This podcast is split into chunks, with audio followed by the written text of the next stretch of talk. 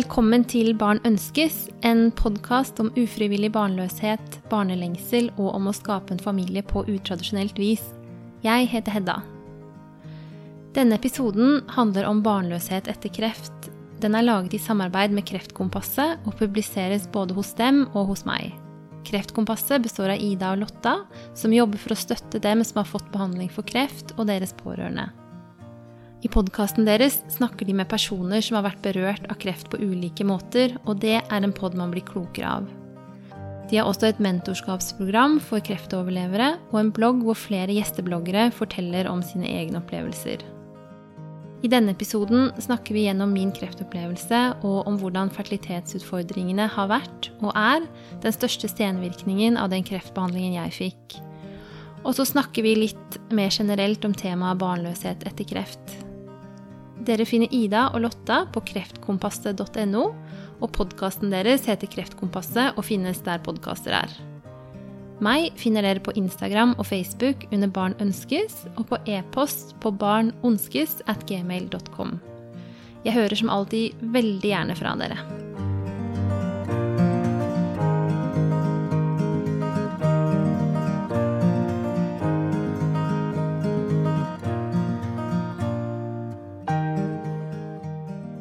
Nå sitter vi hjemme hos Ida sammen med Hedda Heier Hansen, som også driver en egen podkast. Mm. Men uh, velkommen til oss i dag, eh, Hedda. Tusen takk. Du eh, driver en podkast som heter Barn ønskes. Ja, og vi fant ut at vi hadde til felles dette her med, med barnløshet etter kreftbehandling. Mm. At vi hadde lyst til å lage et, en episode som vi begge kan legge ut. Mm. Så til dere i din podkast, da, skal mm. vi presentere oss som ikke har hørt på oss før. Mm. Ida, hvem er du? Hvem er jeg? Eh, jeg er eh, 41 år. Eh, har to barn og jobber eh, egentlig som headhunter i Life Science. Men har eh, jobba med kreft i over 20 år. Eh, og driver da Kreftkompasset sammen med Lotta. Mm. Mm. Og jeg har også jobbet med kreft i over 20 år og jobber som sykepleier på Radiumhospitalet. Og også som daglig leder i Pasientforeningen Sarkomer. Og har da vært med på å starte opp Kreftkompasset og denne podkasten. Mm. Men vi er jo veldig spent på hvem er du, Hedda? Ja. Um, jeg er jo en dame på 32 år som bor på Hamar med kjæresten min Ola og datteren vår Nikoline på tre år, som er prøverørsbarn.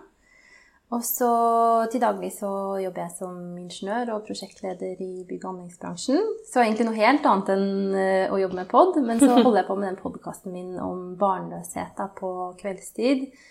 Um, og jeg har jo selv vært barnløs som følge av en kreftdiagnose. Um, sånn at eh, det er liksom litt hjertesaker for meg, både det der med ufrivillig barnløshet og ulike veier til en familie. Men eh, også spesielt akkurat det med eh, altså fertilitetsutfordringer etter kreft. Da. Eh, jeg ser jo på det som en, en det, Min viktigste senvirkning. Da. Det er jo sånn jeg merker at jeg har hatt kreft. At det har vært en utfordring.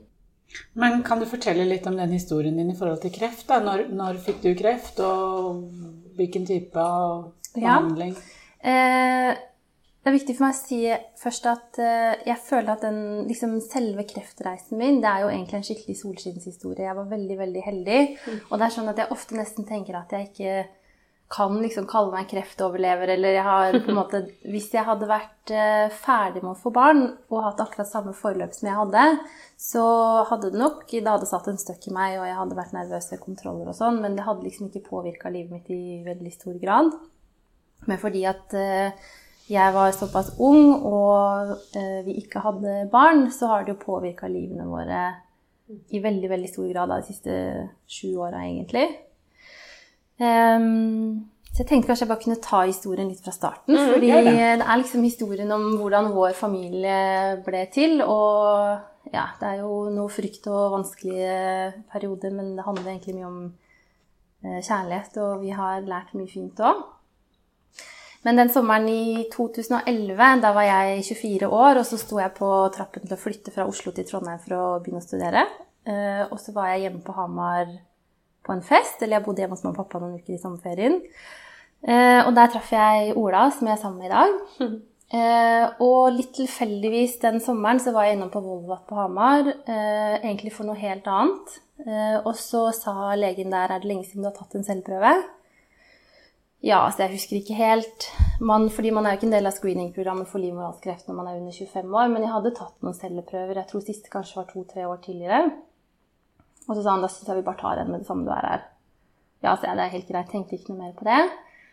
Og så ringte de noen uker senere og sa det var noe med den prøven. Jeg tror vi må ta en biopsi. Um, og da gjorde vi det. Og så, uh, og så var, det, da var det jo alvorlige celleforandringer da, som egentlig var mistanken da. Så da ble jeg henvist til St. Olav siden jeg hadde akkurat flytta til Trondheim. Og så skulle jeg gjøre en sånn konisering da, som veldig mange gjør. Um, og da hadde jo Ola og jeg egentlig akkurat truffet hverandre og hadde avstandsforhold den høsten og var liksom helt sånn supernyforelska um, uh, i den bobla. Uh, og så tok jeg den koniseringen litt sånn i oktober-november, kanskje. Og så helt i starten av desember, rett før eksamen, så satt jeg hjemme på Hamar på lesesalen på høyskolen, og så fikk jeg en telefon med, fra et uh, Trondheimsnummer så tenkte jeg dette er noe jeg må gå ut og ta. Kanskje er det skolen eller noe sånt, tenkte jeg. Og da var det gynekologen fra St. Olav som sa har du et sted hvor du kan sette deg ned, for nå må vi snakke sammen. Og så tenkte jeg dette høres ikke bra ut. Mm. Og da fortalte hun at uh, i det vevet som hadde blitt tatt ut av under den kondiseringen, så hadde det allerede utvikla seg til livmorhalskreft. Og de visste jo selvfølgelig ikke da utspredning eller hvor mye eller i hvilken grad og sånn. Og så husker jeg at, eh, at, hun allerede i den telefonsamtalen spurte meg har dere tenkt på om dere vil ha barn. Mm. For det er viktig for oss å vite når vi skal planlegge behandling for deg. Eh, og da sa jeg det har vi ikke snakka om, men eh, Det vil vi sikkert. Um, og så ringte jeg selvfølgelig Ola og sa han om du kom og hente meg. Og det er jo et veldig stort sjokk å få en sånn beskjed. Man forventer jo ikke det. Um, så da starta vi på en, um, på en sånn utredningsfase. Da. Først på St. Olav, og så etter hvert så ble vi henvist til Eller jeg sier vi, da, men jeg mm. ble henvist til Radiumhospitalet. Men det føltes som vi. det var en veldig rar situasjon å være egentlig uh, veldig i et ferskt forhold som attpåtil var et avstandsforhold. Og jeg husker at når vi liksom begynte med den utredningen, så sa jeg litt sånn jeg kan godt, uh, Kanskje jeg skal liksom bo hjemme hos mamma og pappa, og at de liksom kan på en måte passe på meg nå. Um, man forventer jo ikke at en gutt på 27 år liksom kanskje hiver seg rundt og sier 'dette skal vi fikse sammen', men han gjorde det. da. Han sa 'nei, du skal bo hos meg, og jeg skal passe på deg, og jeg blir med deg på kontrollene', og sånn. Mm. Så vi um, En ting som var veldig fint, da, var at vi ble jo veldig sånn sterke sammen. Um, det er liksom en Selv om jeg helst ville vært foruten, så er det liksom en del av vår sånn kjærlighetshistorie. og så etter hvert da så det var litt frem og tilbake med ja, De var ikke helt sikre på hvor stor spredning det var. Det var litt snakk om cellegift en stund, men så etter hvert så, så ble de enige med seg sjøl om at det ville holde for meg å, å, bare ha en operasjon, da. Så da gjorde jeg en sånn traklektomi, som det heter, hvor de fjerna halvannen centimeter omtrent fra livmorhalsen. Og så satte de inn i en sånn serklage, som er en sånn, et sånn bånd som snurper igjen livmorhalsen da, for at man skal kunne bære et svangerskap senere. Um, så jeg var jo veldig, veldig veldig heldig at det ble oppdaget når det ble oppdaga, sånn at vi fikk muligheten til å uh, få en sånn fertilitetsbevarende behandling. Så har vi, jeg har ikke hatt verken cellegift eller stråling. Nei. Men hva er det egentlig da som skulle tilsi at ikke du kunne bli gravid på vanlig måte? Nei, det er de jo litt usikre på, da. Fordi vi, vi, det er ikke oppdaget noen annen årsak til infertilitet hos oss. Og så jeg var jo student når jeg ble syk, og da har man jo tilgang til eh, alle jeg, artikler og alt gjennom biblioteket.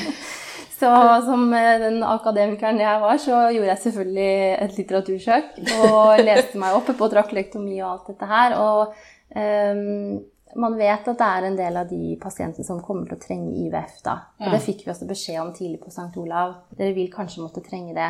Og så vet man, Jeg vet ikke om de helt vet hvorfor. Det kan jo være noe med arrvev, kanskje, eller man skal jo produsere sånn eggløsningsslim i livmorhalsen som spermene skal liksom svømme opp igjennom, og kanskje er det det man mangler, eller ja.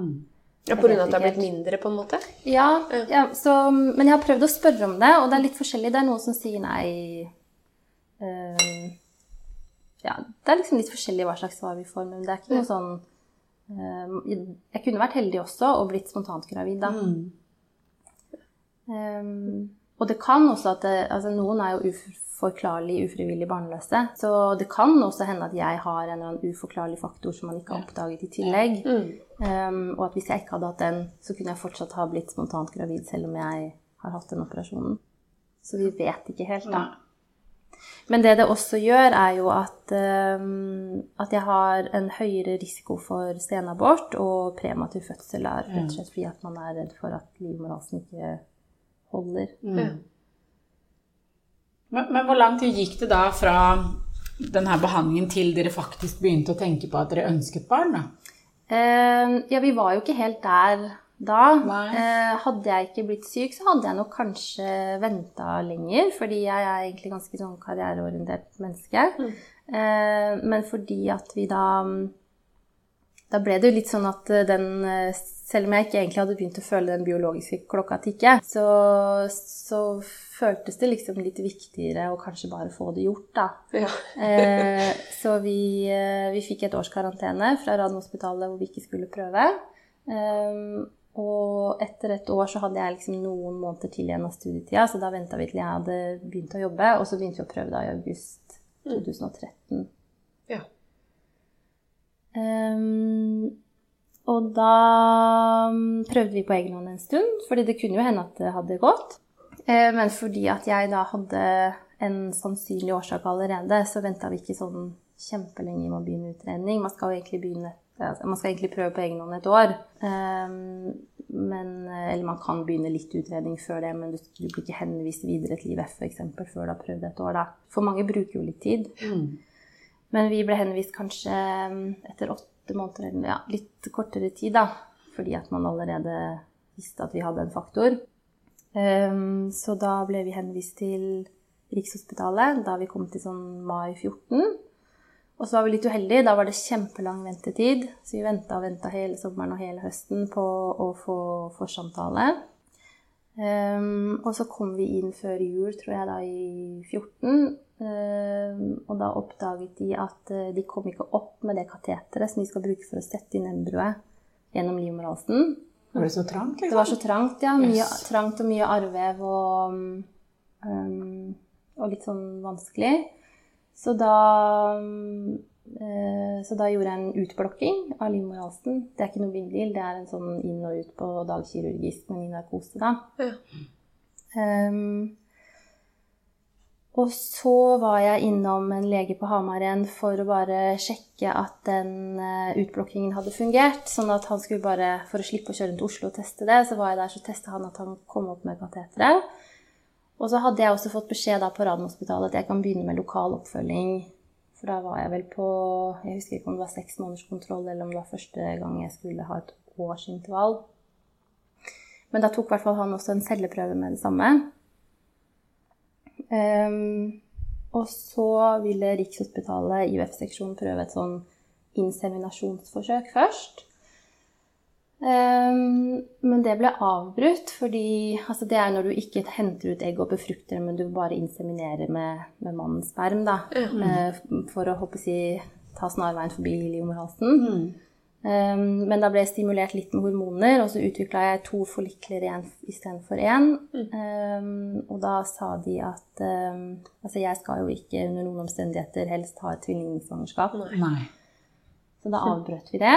Så måtte vi vente litt Ja, men. Betyr det at du egentlig var gravid, på en måte? da? Nei da. Nei. Det var bare at de stimulerte fram to forlikler i eggstokkene. Og så når de ja. så det på ultralyd, så sa vi ja. her kan vi ikke inseminere. Nei, for da var de redd for at det skulle bli to. Ja. Og var ikke det litt sårt? Jo, det var kjedelig. Ja. Og litt hormonell. Og, Ja, ikke sant? og jeg var jo litt forbanna, egentlig, da, for jeg hadde forutsett. ja. Men det var greit. Da fikk vi gå videre på IVF, da, så Ja. var det, Og IVF, det betyr egentlig prøverørsforsøk? Eller? det er prøverør, ja. Mm. Eh, hvor man da tar hormoner sånn at man stimulerer fram mange egg. Og så henter man ut de og befrukter så mange som lar seg befrukte. Og så dyrker man de enten to eller fem dager, og så setter inn igjen da. Og det er jo en veldig Ja, det kan vi komme litt tilbake til, men det er en slitsom prosess, det òg, da. Men da fikk vi i hvert fall eh, oppstart i Vi skulle ha oppstart i mars da for IVF, så da hadde vi jo holdt på i halvannet år, og egentlig det var nesten et år siden henvisningen ble sendt, så vi følte at vi hadde venta i 100 år. ikke sant? Mm. Men det skjønner jeg, for det blir jo sånn obsession, på en måte. Det må jo bli det ene og alene du tenker på, da. Ja, ja, og det er jo sånn hver måned når mensen kommer, og man ikke er gravid, så er det nedtur, og mm, det der med ufrivillig barnløshet, så skulle man jo helst ønske at man var gravid. Altså, vi rakk jo å se venner både slutte på prevensjon, begynne å prøve, Ja. bli gravide og få barna sine, Ja. før vi egentlig i det hele tatt fikk komme i gang. Så det var en kjempetung tid, eh, men det skulle bli litt verre, da. Fordi at um, når vi da hadde fått uh, time til oppstart, så husker jeg så godt at jeg vært på apoteket på morgenen og henta ut den nesesprayen som man begynner å ta for å liksom nedregulere kroppens egne hormoner. Og så satte jeg meg i bilen på Hamar, og så kjørte jeg til Gjøvik for å ta et, uh, et kundemøte.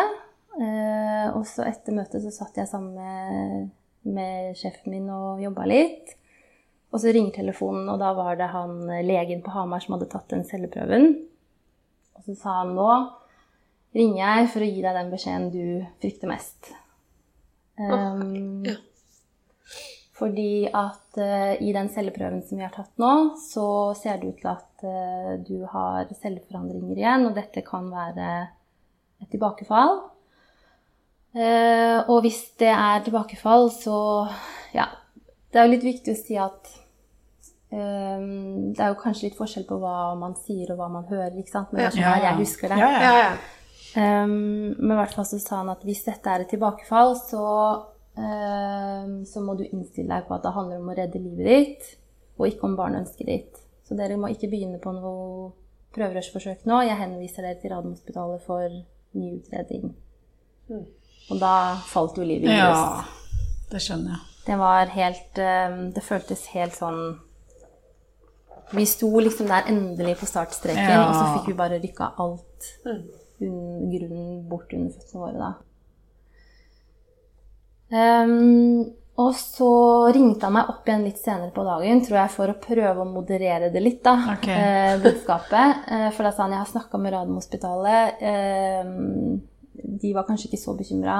du må fortsatt utredes på nytt og sånn, men eh, dette kan eh, Dette kan hende at det går helt fint. Men da var jo allerede jeg i total beredskap. Selvfølgelig. Ehm, Så ble vi henvist til Radiumhospitalet da, og sånn i etterpåklokskapens lys så tror jeg at det som skjedde, var at de egentlig ikke var så bekymra. Å ja. ja. Men det eh, fikk de ikke helt formidla til oss. Eh, Pluss at vi var jo da Altså vi hadde jo på en måte da hatt nesten to år som vi hadde syntes var tøffe, og så kom liksom alt dette her. Ehm, og jeg har, syns, jeg har alltid syntes at vi har virkelig hatt helt fantastisk oppfølging der, det må jeg bare si. Men akkurat de sju ukene som det tok å få den utredningen, det var et svarekaos. Ja. Sju uker er lenge. Ja, det ja, men lenge. jeg bare, Tok det syv uker før dere kom til? Til Nei, Nei. det tok sju uker fra, vi, fra jeg fikk den telefonen Ja. til vi fikk vite Endelig Fasiten, svaret. ja. Ja. Mm. Um, Da hadde vi forskjellige leger hver gang. Og aldri Jeg hadde liksom egentlig hatt to som jeg forholdt meg til, men de så vi ikke da. Og så fikk vi masse kontrabeskjeder hele tiden, og veldig mye sånn fram og tilbake. Og det var jo ny runde med MR og CT og røntgen og blod og alt sånn. Um, og da rakk vi å tenke veldig mye på de sju ukene. Da tenker man jo vil vi, komme til å få beholde livmor? Hva, hvordan blir det hvis vi ikke får det? Hvis, vi ikke, mm, hvis jeg ikke får beholde livmor, og dette er et tilbakefall, vil vi i det hele tatt kunne adoptere da? Hvis det hadde vært noe for oss? Ehm, Da skal man jo på en måte godtgjøre at man har god helse de neste 15-20 årene. Ehm, Så det var De sju var helt forferdelig. Og så, men til slutt da, så hadde vi jo fått prøvesvarene. Så måtte vi vente i 14 dager. Det er sånn som jeg ikke skjønner. Da. Hvorfor må du vente når de sier sånn Ja, vi har fått prøvesvar, du får time og 14 dager til å komme og få svar. Ja. Um, Ja, det tenker jeg at det, kan, det burde man nesten ikke godta. Er- ja. Og jeg prøvde å si ja, men vi må bare vite, vi må bare vite, Ja. vær så snill, kan vi Ja. få vite? Nei, du må snakke med legen, og du må komme hit. Ja. Så da venta vi, da. Og i hvert fall når det da viste seg at det var falsk alarm. Da kunne du ha sagt det. Kunne du ikke bare Ja. si det på telefonen? For jeg kan skjønne når det er negativt. Ja. Så skjønner jeg det. For Og at det da må tror man jo da. Ja, da tror man jo det. Ja. Ja, guri min. Mm. Men da kom vi inn dit Um, til nok en lege vi ikke kjente da, men som sa at dette var falsk alarm.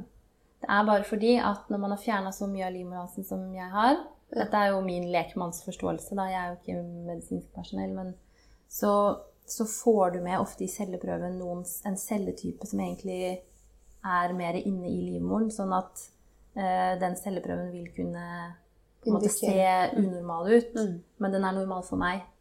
Um, og det var jo helt sånn oh, Herregud, kjempebra. Og så satte vi oss i bilen, eh, og da ringte vi opp på Rikshospitalet på vei hjem fra ja, ikke sant? Det, Det skjønner sier jeg. noe om tidsperspektivet, men ja. Eh, og de, de hadde jo da visst at vi hadde fått avbrutt og hadde nok egentlig hatt litt vondt av oss, tror jeg da. Så da sa hun sykkelen jeg skal, jeg skal ordne med plass til dere. Ja. Eh, og så hadde jeg eh, Da passa det sånn i syklusen at da kunne jeg starte på hormoner bare tre dager senere eller noe sånt. Endelig noe positivt. Ja, Ja. så da fikk vi Da var det helt sånn fra liksom eh, I det ene øyeblikket så tenker man at eh, hva om jeg mister livmor og alt det der, og så i neste øyeblikk så er det liksom i gang med en nesespray som skal sette seg i kunstig overgangsalder. Um, og så starta vi med det, og ennå da så fikk jeg faktisk en til telefon fra Radiumhospitalet en, en uke eller noe sånt etter at jeg starta på hormoner. med En ny lege som Jeg vet ikke hva som har skjedd, men det må ha vært en misforståelse. Hun ringte meg og sa du må komme og ta noen flere prøver, for vi er ikke helt sikre. Ja, men gud. Og jeg husker at jeg sto i lys, for jeg satt på sykkelen på vei fra jobb. Jeg husker at jeg sto i et lyskryss og ropte inn i telefonen 'Nå må du faen meg gi deg'. Ja, nå er det nok. Det går jo ikke an. Nå har vi starta på hormoner og alt mulig. det her, Og jeg var helt fra meg. Og så sa hun 'Jeg ringer opp igjen i morgen'. Og så ringte hun opp igjen og sa 'Jo, det er i orden'. Men det ble veldig vanskelig å skrive. Ja, det skjønner jeg. Og så, og så Ja. i tillegg, jeg ringer deg i morgen. Altså, Ja. Da skulle hun sagt vet du, jeg ringer deg om fem minutter. Jeg. Ja. Ja. For at nå Ja. er det noe Ja. Dette må jeg sjekke. Dette må, ja. Og igjen, virkelig, jeg syns virkelig vi har fått så god hjelp på Radiumhospitalet. Men akkurat de ukene der skjedde det en eller annen glipp. Og det var sånn at jeg faktisk Ikke fordi at vi hadde rett på noen pasientskadeerstatning, men det var sånn at jeg, at jeg hadde en samtale med pasientombudet og på en måte beskrev, og han registrerte. Bare for jeg hadde behov for at dette, dette sånn skal ikke skje. Dette skal ikke noen andre oppleve. Um, men i hvert fall så fikk vi telefon dagen etter en da, hvor hun sa at jo, dette er eh, Dette er i orden. Nok en falsk alarm. det er stygt. å- Altså, hva skal man gjøre? Man må jo nesten le. For Ja. det er jo Ja, nå absurd. kan man jo gjøre det, men Ja. da må det ha vært Ja, det må jo eh, vært ja. helt forferdelig. Ja, det var jo helt absurd. Ja. Og så, eh, men så fortsetter vi da med den hormonstimuleringen som eh, Og det er eh, Det kan være ganske tøff eh, reise. Og da var vi jo i gang med eh, hormonbehandling, som i utgangspunktet kan være slitsomt. Men vi Jeg tror vi var så letta over å være i gang at det det liksom endte seg ikke. Jeg husker at jeg hadde noen migreneanfall, at det var litt sånn litt intens tid. Men det var liksom først og fremst den derre Nå har vi endelig muligheten, da, etter to år. Så kanskje vi endelig har en mulighet til å lykkes. Ehm, og så ble jeg jo gravid. Så det var jo en berg-og-dal-bane av en annen verden. For da satt vi på ferie i Spania og testa på morgenen og fikk den der positive testen. Og så husker jeg vi satt med den i hånda, og så satt vi sånn i hver vår side av senga. Og så tenkte jeg Å, herlighet, nå er jeg så redd. Eh, Men, mm, klarte du ikke å bli glad? Eh, jeg var på en måte letta over å ikke ha fått et negativt resultat, fordi det ville vært mye verre. Men vi var jo ikke noe, vi var jo ikke noe glad. Jeg husker jeg sendte melding til mamma, eh, for hun visste at vi hadde vært i forsøk, og var selvfølgelig veldig spent. Så jeg sendte melding og skrev noe sånn Har testa positivt, men vi er avventende. Ikke noe jubel, liksom. Eh, Hva, hva var det som gjorde at du liksom ikke klarte å slippe løs bare Yes, dette gikk. Var du redd for å miste det, eller var det Ja, jeg følte jo at eh, Jeg følte at vi hadde så mange hindringer foran oss fordi da først så skulle vi komme til tolv uker, som alle må. Mm. liksom komme over den der første risikoen for spontan abort.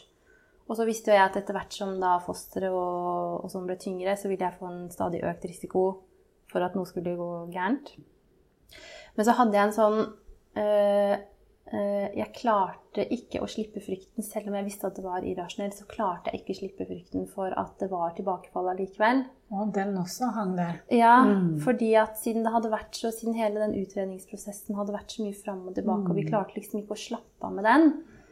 Eh, så jeg bare Og det høres så fælt ut, men jeg, bare, jeg hadde en sånn frykt for at jeg skulle få en beskjed om at eh, det var ikke falsk alarm allikevel. Nå må vi bare ta ut livmor med foster og alt. Altså, Ja. Det var liksom det jeg var redd for sånn innerst inne, selv om Men det skjønner jeg. Det er jo ikke Ja, ja, ja. unormalt i det hele tatt. Det er jo helt eh, Ja. Så, mm, men etter hvert så begynte vi jo liksom å tro mer og mer på det. Og så skulle jeg jo ha en tre tremånederskontroll igjen da i sånn september kanskje, fordi jeg ble gravid da i sånn mai-juni. Eh, og da tenkte jeg sånn Nå skal jeg bare komme meg til den kontrollen. Og så skal jeg få møte doktor Christensen, min lege, og han skal si til meg at dette er i orden.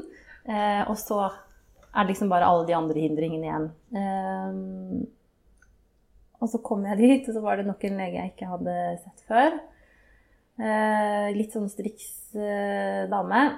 Eh, og så ser de jo på livmorhalsen med noe sånn mikroskop hvor de pensler på noe sånn løsning for å se etter noen fargeforandringer. Eh, og så sa hun her er det noe som ikke ser helt ut som det skal, så vi må ta en biopsi. Og jeg gråt og hylte og ropte nei, nei, nei. Og hun sa bare prøv å ligge stille og puste med magen. Og så tok hun den biopsien. Mens du lå sånn. Ja. Eh, og det, det er nesten sånn at jeg ikke har lyst til å fortelle, for jeg vil liksom ikke skremme andre. Men jeg ved tidligere biopsier og sånt, så har jeg alltid hatt lokalbedøvelse. Jeg har veldig sensitiv livmorhals. Det var helt sånn så marerittaktig opplevelse. Jeg husker jeg sjangla liksom gjennom Var du alene der? Jeg var, ja, det var sykepleier der, da. Ja, ja, men Så du hadde ikke Ola. Med deg? Nei, mamma hadde kjørt meg, så hun Ja. satt på venterommet. Så jeg husker så godt at jeg virkelig sånn sjangla utover i gangen.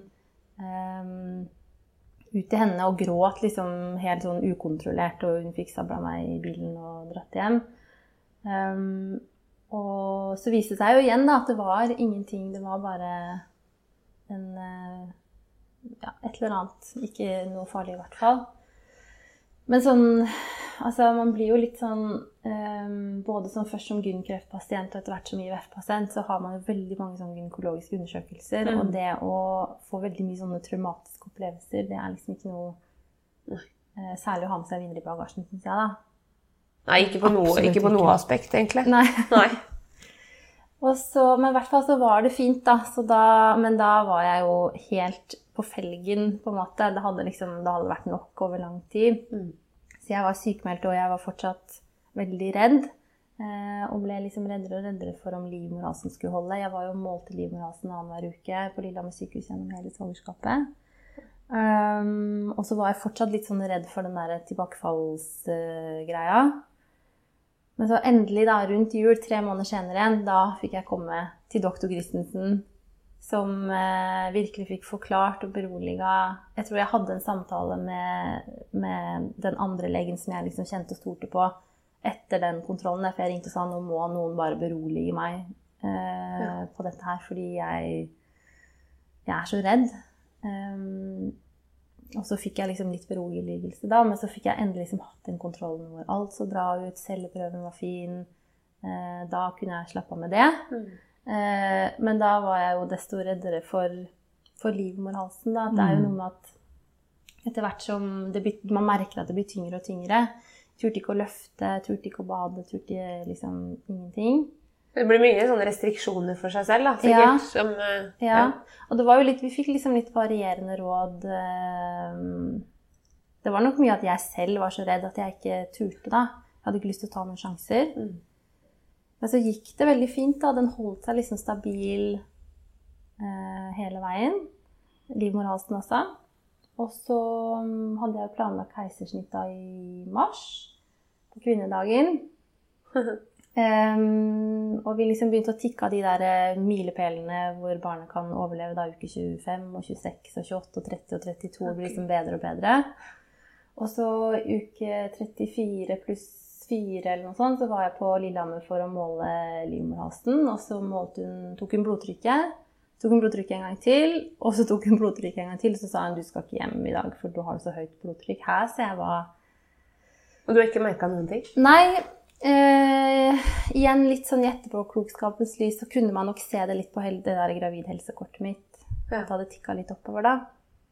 Um, og så sa hun uh, det gjør meg litt, dette gjør meg jo bekymra for svangerskapsforgiftning som jeg ikke hadde tenkt noen gang. Det hadde ikke falt inn meg at jeg kunne få en normal svangerskapskomplikasjon. Nei, nei for alt annet var unormalt. Liksom. Hadde tenkt på mye annet, da. Ja. Så, hadde, det hadde ikke liksom, så hun sa sånn du skal være, Nå skal du si fra, nå skal du være her til observasjonen til i morgen, og så skal du si fra hvis du føler deg dårlig. Så jeg sånn Ja, men når du sier det, sa jeg, så sto jeg i dusjen i morges og tenkte at nå spyr jeg. Oh, ja. Ja. Eh, men så sa jeg men jeg har jo ikke For jeg hadde jeg, jeg var også en av de som Um, virkelig fikk hele spekteret av sånne svangerskapsplager som bekkenløsning. Og jeg, sov, jeg hadde jo ikke sovet på natta, så jeg sa ja, men jeg går rundt i koma, jeg er trøtt og kvalm hele tida. Så jeg tenkte ikke noe over det. sånn er det bare. ja. Eh, og da så hun litt sånn skeptisk ut. Og så morgenen etterpå så kom en sykepleier inn for å ta blodtrykket, og så sa jeg nå føler jeg meg ordentlig fyllesyk. Ja. Og da mm. sa de ok, nå bare tar vi ut dette barnet. Dette er ikke noe mer å lure på. Ja. Så da fikk vi Nikoline, eh, som ble født med, med keisersnitt. da. Mm. Hvor stor var hun da? Eller hvor mye veide hun? da? 2350. Ja, så ikke det var fint, da. Ja. Hun mm. hadde en litt tøff start og satt fast litt, for hun lå liksom på tvers. Men, men alt det gikk veldig bra. Um, men uh, vi, jeg tror at jeg var veldig, veldig, veldig sliten fortsatt mm. da. Og prematurt barn er jo litt spesielt. Har noen mm. spesielle behov. og så det var også en veldig, veldig tøff eh, barselstid. Mm. Eh, og egentlig hele første leveåret var ja, Jeg tror det var mye gammelt som satt igjen, og som kanskje kommer litt eh, opp igjen med all den frykten og alt det man har sittet igjen med. Så man på en måte, man sitter jo liksom litt aleine med alt sammen. Eh, men det gikk jo veldig bra til slutt. Mm. Uh, og så da tok vi oss liksom litt lang tid til å prøve å komme litt til hektene igjen. Og så i uh, sånn rundt april i fjor så begynte vi på det som heter søskenforsøk. Da, nye IVF-forsøk. Um, og nå har vi hatt uh, seks innsett, da, eller transfer. Vi hadde en del i fryseren, altså befruktet embryoer. Så vi satte inn fire av de først som ikke ble til noe. Og så har vi hatt et nytt sånn fersk sånn full stimuleringsrunde i februar i år som ikke ble til noe. Og så hadde vi et nytt fryseforsøk nå i sånn mai-juni som ikke ble til noe. Og der, der, er vi i dag, da. Er det noe begrenset, jeg, jeg, kan ikke så mye om det, men er det begrensa hvor mange ganger man kan prøve? Ja. Mm, du kan få til sammen tre eh, sånne ferskforsøk hvor du stimulerer, og så er eventuelt det du får i fryseren, bonus, da. Okay. Uh, og jeg er blant de som er veldig heldige og få, har fått mange på frys begge de gangene vi har prøvd. Ja. Kanskje fordi at jeg ikke er så uh, Jeg er ikke så ung lenger, men vi var jo unge i hvert fall første runden. Og, ja. Mm. Du er jo, hvis du tenker på gjennomsnittsalderen når man får barn i Oslo f.eks., så er vel den nærmere 40, så du er jo godt under ja. Du er fortsatt veldig ung. Ja. Men, men uh, nå har du gått gjennom veldig mye, men du, er fortsatt bestemt Eller bestemt, men du er fortsatt uh, klar for, klar for å, å, prøve flere? Ja.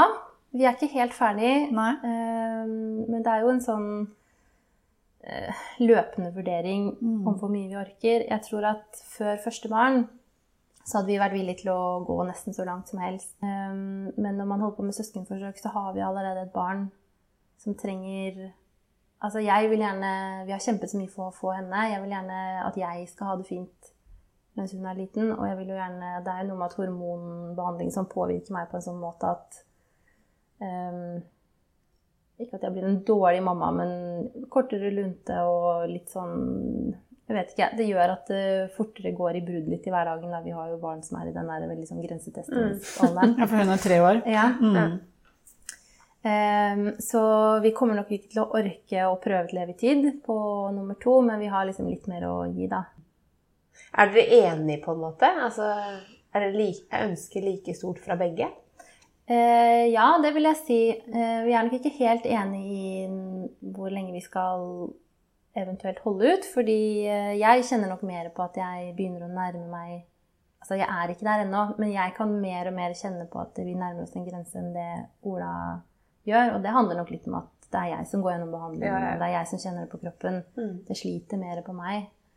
Um, mens han lever mer som normalt på en måte gjennom det, da. Ja. Uh, så han um, Hvis vi kommer dit at vi bestemmer oss for å gi noe i oss, så kan det hende at vi er litt ute av synk på det. Uh, og det kan jo bli vanskelig. Mm. Men da kanskje ikke han merker så mye på det, da? På meg. Ja. Ettersom han liksom eh, Det må jo du ta positivt. ja, jeg tror han merker nok Det kommer litt an på hvilken medisinmiks og sånn det er. Mm. Eh, men på noen av hormonene så I fjor sommer så satt jeg på hytta i Sverige og sa nå syns jeg egentlig at vi bare flytter fra hverandre. Ja, det er, ja, det, er såpass. Ja. ja. Eh, og så sa han jeg skjønner ikke helt hvorfor, vi, hvorfor vi skal det. Så sa jeg nei, men jo, det kjenner jeg nå at det Det er på tide. og så sa han kan vi ta opp igjen den til diskusjon etter at vi er ferdig på, mm. eh, med behandlingen. Og så slutta jeg på de hormonene etter negativ test, og så gikk det tre dager, så er det sånn Men vi har det jo ganske fint sammen, har vi ikke det? ja. ja. Det sier jo litt om hvor mye det påvirker den, da. Ja. Mm. Men vi, vi, snakket litt om det før vi, før vi startet med det, det her med at jo, vi føler at det kanskje ikke er så mye Vi snakker ikke så mye om det her, og du, da sa du noe om det at det her er jo ikke noe livreddende behandling. Nei. Har du følt litt på det her med at eh, Altså bruke helsevesenets ressurser Eller det er, ikke, det er, mange som snakker om at det er ikke noe menneskerett å få barn, og alt dette her. Ja. ja hva tenker du rundt det? Eh, altså jeg har også eh, tidligere, før jeg liksom ante hva det var å være ufrivillig barnløs, har jeg også kunnet si det. Det er ikke noe menneskerett å få barn. Og så mener jeg fortsatt ikke at det er en menneskerett å få barn, for det syns jeg ikke det er. Men det er en menneskerett. Og noen som skrev um, at det er en menneskerett å ha den lengselen. Uh, det er en menneskerett å på en måte få lov til å ha egen barne, sitt eget barneønske. Mm. Um, og jeg opplever nok, ja, litt som jeg sa til deg før i dag, at um, det å være i fertilitetsbehandling er Det er liksom en av de behandlingsformene hvor man uh, Det redder ikke liv, du opprettholder ikke arbeidsevne. Det er liksom ikke for å opprettholde en funksjon man allerede har. Og det er jo veldig mange land hvor det ikke tilbys. Så jeg føler at jeg står litt med lua i hånda, og at jeg egentlig burde være takknemlig um, for at jeg i det hele tatt har behandlingsmuligheten offentlig i Norge.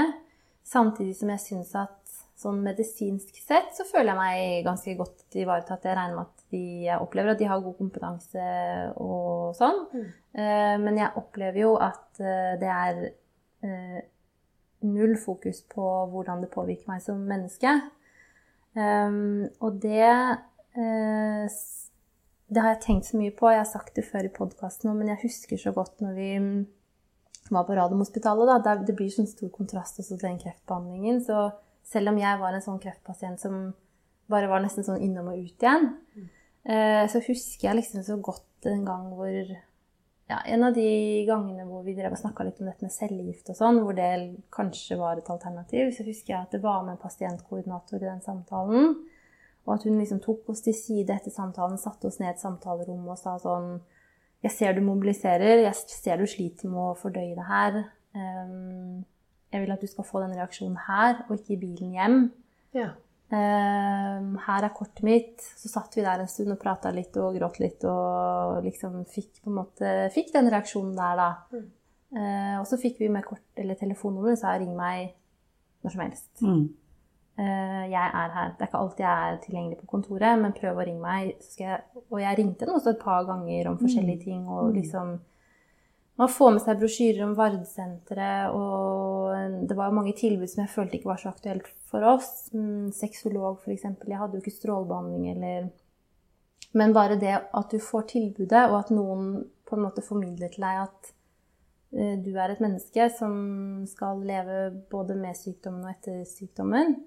Eh, det er en trygghet i det, mens i fertilitetsbehandling så opplever i hvert fall jeg, og kan hende andre har en annen opplevelse, men jeg opplever at det er ingenting av det. Det er liksom folk som kan komme på Rikshospitalet og få beskjed om at uh, her er det ikke noen egg. Vi får ikke henta ut noe, vi må bare avbryte forsøket. Og så blir du omtrent satt på trikken ned til byen igjen, og så skal du takle det sjøl. Uh, men jeg syns det er veldig, veldig Jeg syns det er altfor lite hjelp med det mentale og emosjonelle, da, som er det mm. som er vanskelig. Mm. Um, og det Ja, det syns jeg er veldig synd. Vi har snakket om det før også, men vi var jo gjennom fire prøverørsforsøk for 20 år siden.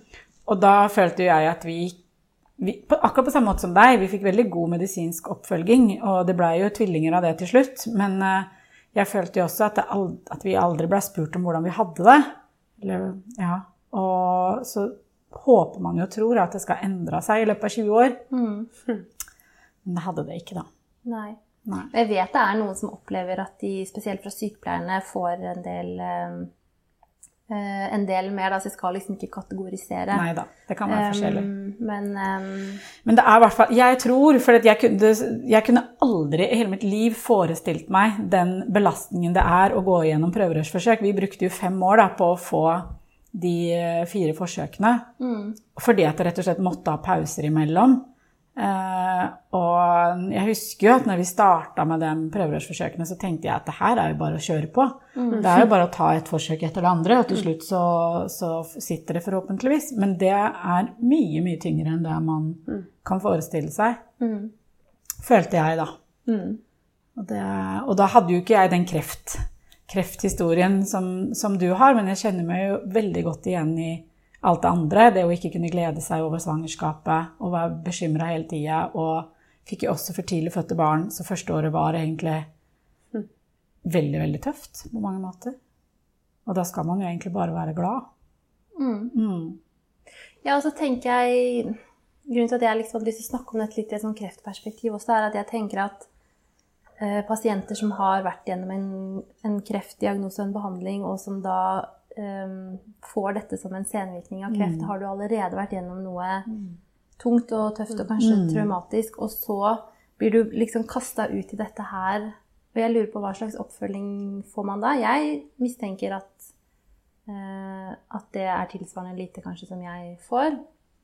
Ja, det vil jeg tro. Jeg, ja. jeg vil ikke tro at du får noe annen oppfølging enn uh, enn det enn hvem som helst annen som skal prøve prøverørsforsøk, får. Ja. Det burde kanskje og det er jo kanskje to kategorier også. Jeg kan, vet jo ikke så mye om ufrivillig barnløshet etter kreft, men jeg vil jo tro at det kanskje er to kategorier litt de som For det fins jo en del ting man kan gjøre. Eh, nedfrysning av sperm for menn. Eh, nedfrysning av enten embryoer eller egg, eller sånn eggstokkvev for kvinner. Men det er jo ikke alle som kvalifiserer for den behandlingen. Ehm, sånn at én ting er de som skal takle en fertilitetsbehandling etter å allerede ha vært gjennom kreft, og så er det jo de som skal takle at eh, de ikke har den muligheten. Eh, og jeg liksom lurer på hva slags eh, støtte og hjelp man får til å bearbeide det. Man vet jo at varig ufrivillig barnløshet bare for de som har ønska seg barn, men ikke kan få det, er en veldig, veldig tung situasjon å gå gjennom. Og så har du liksom kanskje allerede også hatt en tung reise frem til du i det hele tatt begynner å tenke den tanken. Mm. Ja, det... Jeg er nå redd for at de ikke blir godt nok ivaretatt. Nei, det Problemet er vel at mange, etter man har hatt en kreftdiagnose, og kanskje ikke har kontroll, eller bare har kontroller innimellom, de utgår jo med det Altså, de blir jo fulgt opp hos fastlege, på en måte. Og da er jo ofte det kreftperspektivet litt borte. Mm. For da er det jo på en måte at du skal få barn, som er eh, kanskje fokuset. Um, og vi ser jo, vi har jo sett på Randhospitalet at det har kommet inn altså, damer med mage mm. som får beskjed om at du har en aggressiv krefttype, og vi må fjerne barnet. Mm. Um, og jeg, tenker, vet liksom ikke eh, hvor god behandling de har fått etterpå. Eh, det vet, det vet, jeg faktisk ikke. Og der og da så er fokuset noe annet. ikke sant? Mm. Det er jo å redde den dama. Um, og så har vi jo mange som man har snakka med idet de får en kreftdiagnose, så er det jo veldig mange som første kanskje jentene sier er bare ja, men kan jeg få barn? Det er liksom det første spørsmålet. Ikke, og det er uavhengig hvor alvorlig budskap man får òg.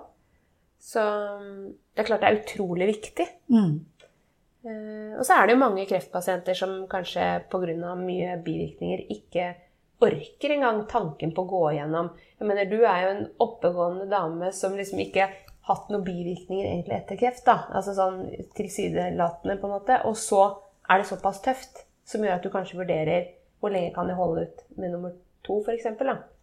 Og da tenker jeg det er mange de med fatigue, masse sekveller, som ikke orker det. Og da blir de jo på en måte fratatt det uten at man egentlig har fratatt det. Men du orker ikke. Du har Nei. ikke energi til det. Nei, det er jo ikke ditt valg. Du har jo ikke valgt det bort. Du Nei. har blitt ja, fratatt Ja, muligheten til det. Og så er det jo så viktig i samfunnet. på en måte. Det jo- du blir jo målt etter uh, om du er mann og, eller dame, eller uh, om du har så og så mange barn. på en måte. Og du òg, selv om du har vært åpen eller, om de forsøka. Eh, rundt? ja, ja, så Ja. mer eller mindre. Ja. Ikke, det er ikke sånn at jeg liksom legger ut på Facebook, Nei. men vi forteller hvis det er naturlig. Ja. For jeg, ja. Ja, føler du at det er at det er, er for, for Ja, når vi gikk gjennom dette her, så var jo han som jeg var da gift med, ikke enig. Så vi Jeg ville jo gjerne fortelle, han ville ikke. Så det blei jo aldri fortalt. Eh, men føler du at det er eh, lettere Eller at det er mange som er åpne om det nå? Eller er det fortsatt tabu?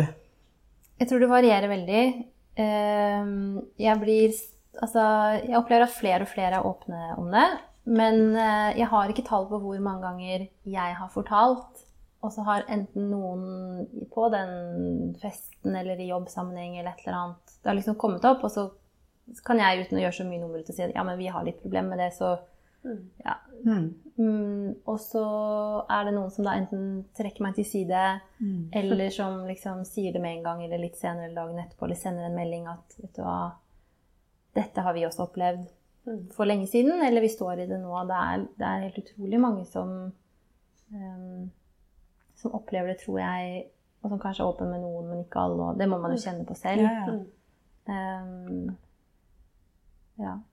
Men hva tror du er grunnen til at man ikke vil si noe?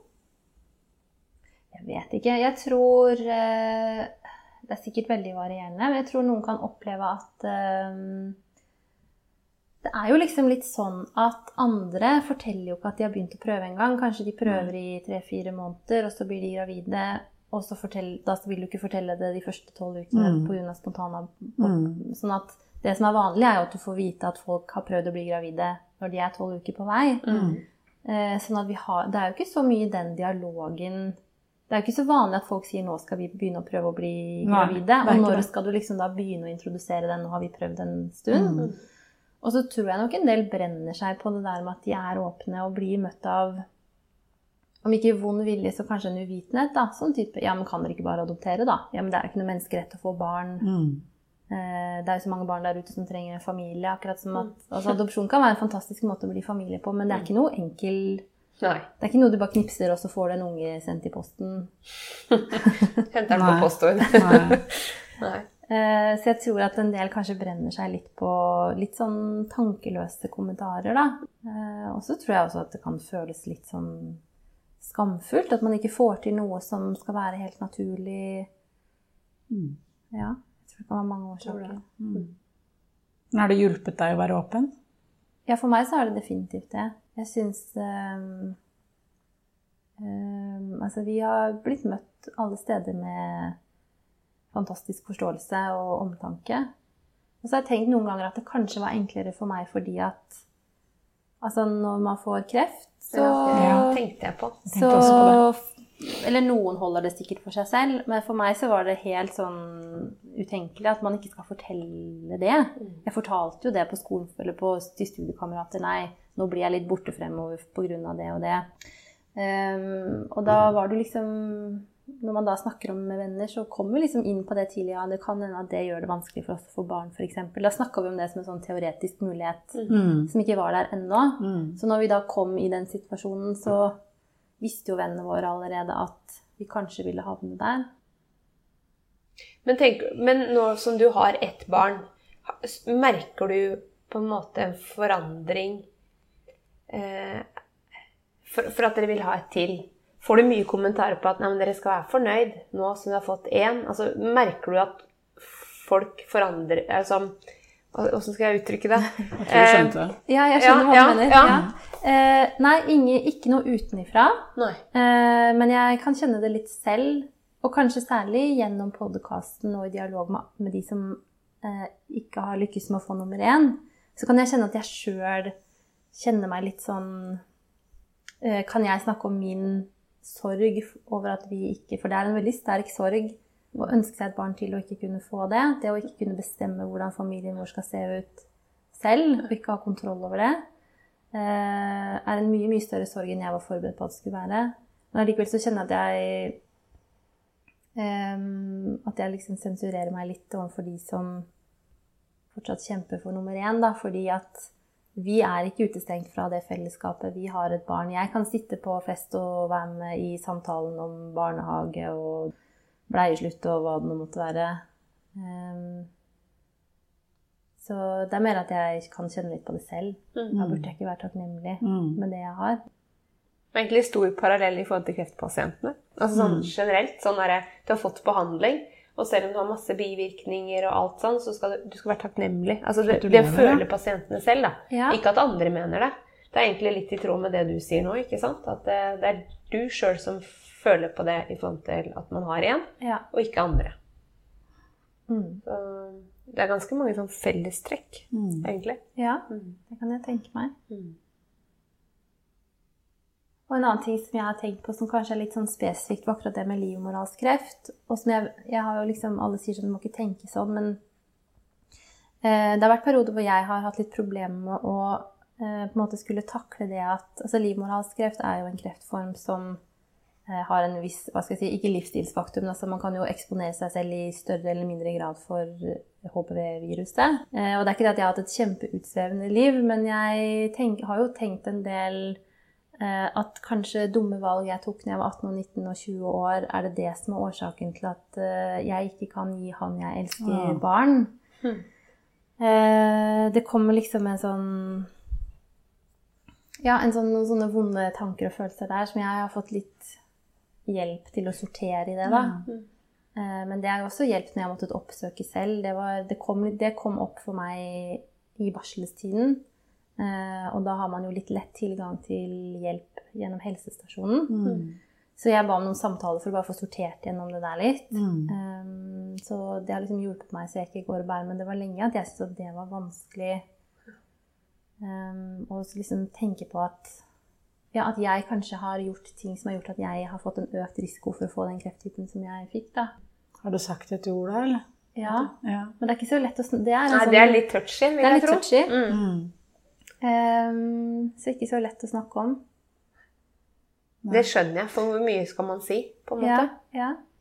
Jo, men samtidig så er det på en måte en sånn litt ubegrunna skyldfølelse. Ja. Ja, det er det jo. Eh, Vi har alle tatt mange dumme valg når vi var Ja. 18-19-20, og du kan på en måte ikke Men jeg skjønner at det er lett å si. Ja. Og, men har de tankene først kommet, så er det sikkert hjelp, lurt å få hjelp til å sortere de og legge de på plass. Sette de på plass. Mm. Men jeg opplever at man må være ressurssterk selv som Ja, pasient og oppsøke hjelp og spørre hvor fins det hjelp for meg, hvem kan jeg Du får liksom ikke kasta etter deg, på en måte. Og jeg har jo spurt fastlegen min om um, For jeg er veldig privilegert. Jeg har en jobb med en god bedriftshelsetjeneste.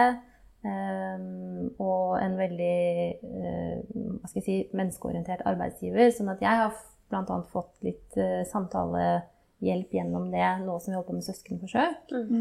Eh, Men jeg har tenkt på de som er mindre privilegert, og som kanskje ikke enten har et sånt tilbud gjennom jobb, og som ikke um, kanskje har råd til å oppsøke samtaler privat. For det finnes jo også en del private som tilbyr samtaler, kanskje spesielt retta mot ufrivillig barnløshet. da. Men det har en kostnad. Så jeg spurte fastlegen min litt sånn fordi jeg var nysgjerrig hva slags tilbud finnes egentlig i den situasjonen. Og da sa hun at eh, hun trodde at det nærmeste hun kunne se for seg da var psykisk helsetime i kommunen, da, altså psykiatriske sykepleiere. Og jeg tenker at det dekker ikke helt behovet fordi det er ganske sånn spesifikt. eh, Og at de ikke helt vil kunne hjelpe med Altså, de vil kunne hjelpe med kanskje at man kan få snakka om bare det ting generelle. ut. Ja, Men det å forstå helt den De vil jo kanskje ofte som andre folk heller ikke helt forstå den sorgen og hvorfor det er så altoppslukende og inngripende i livet, da. Ja, da tror jeg du må være ganske sånn godt inn i problemstillingen for å forstå det. Ja. Mm. Er det ikke noe pasient... Ikke, eh, Jo, pasientforening du får gjøre reklame for Pasientforeningen. Ja, det er jo en pasientforening som heter Ønskebarn for ufrivillig barnløse. Og de også har jo noen, annet noen kafétreff og, og sånn, da. Klart. Ja. Ehm, det har vel, Nå må jeg innrømme at jeg har ikke Jeg har fulgt dem, men jeg har ikke vært medlem så lenge, så jeg har ikke fått alle medlemsblader og sånn Mm. før nå nylig.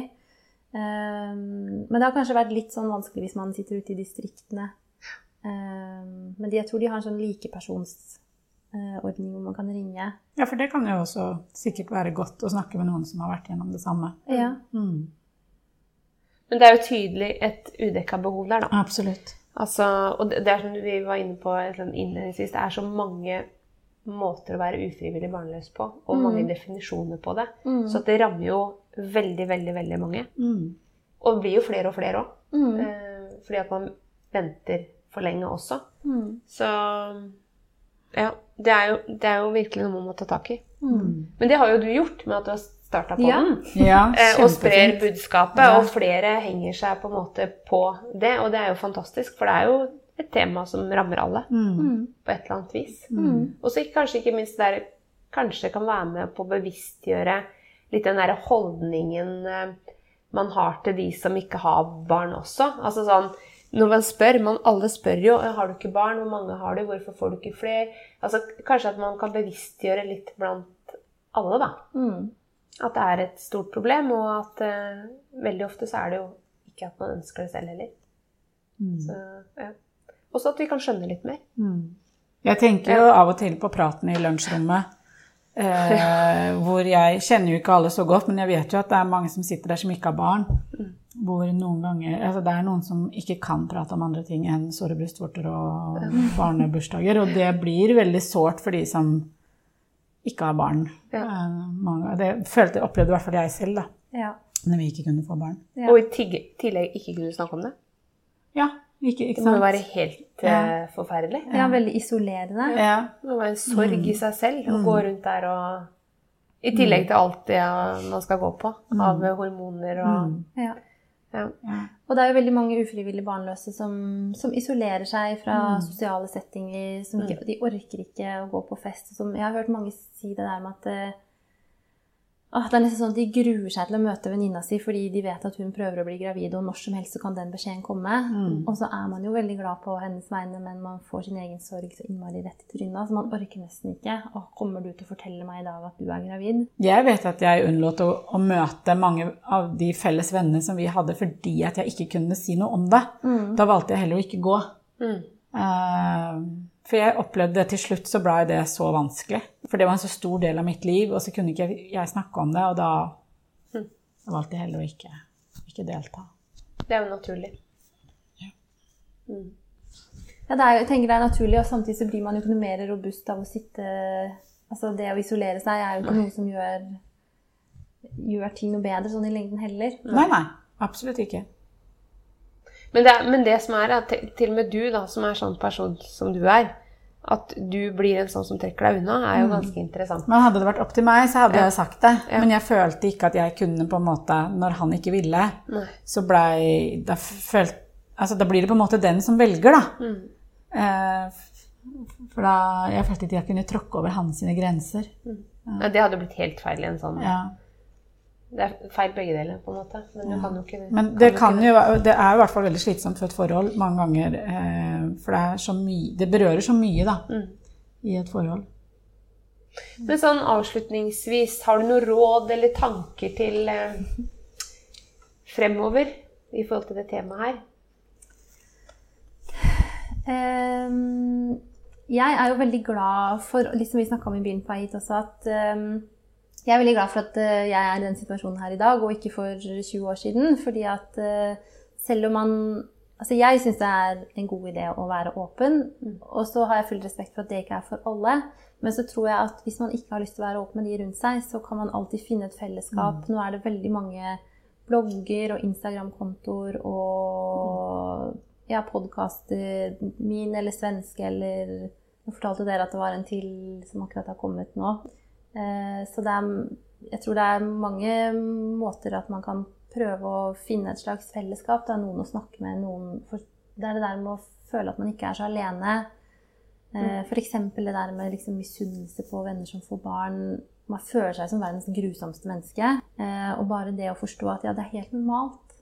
Sånn er det faktisk når man er i den situasjonen her, og det gjør ikke at du er noe dårligere menneske for det. Så prøv å oppsøke litt, litt sånn. Og ellers så er det vel egentlig jeg vet ikke, være en ressurssterk pasient. Det er fælt å si det, da, men uh, oppsøke, oppsøke, hjelp. Spørre hva slags tilbud finnes for meg. Um, jeg trenger noen å snakke med. Det fins jo ofte noen muligheter man kan få triksa og ordna seg innpå, kanskje. Selv om jeg skulle ønske at det var lettere tilgjengelig og mer sånn uh, her henvender du deg, her er det folk som kan akkurat dette, som kan hjelpe deg med det. Kanskje akkurat det kortet som du fikk av hun sykepleieren på Radiumhospitalet, altså få med det hjem og si 'ring meg' hvis det er noe du ja. trenger å snakke om. Ja. Det betyr så mye. Det skulle jeg ønske at fantes. Mm. En sånn direktelinje. På Rikshospitalet så er det jo sånn uh, halvannen time vente på tid på telefonen og sånn, så det er ikke så lett å Ringe og si du, jeg lurte på om du hadde tid å prate litt med meg. jeg ser det er mange som er bak i køen. ja. ja. ja. Nei, men det får vi jobbe med, vi som jobber i helsevesenet. Ja. Mm. Ja. Men masse, masse lykke til videre. Tusen takk. Og sammen til dere. Takk. takk.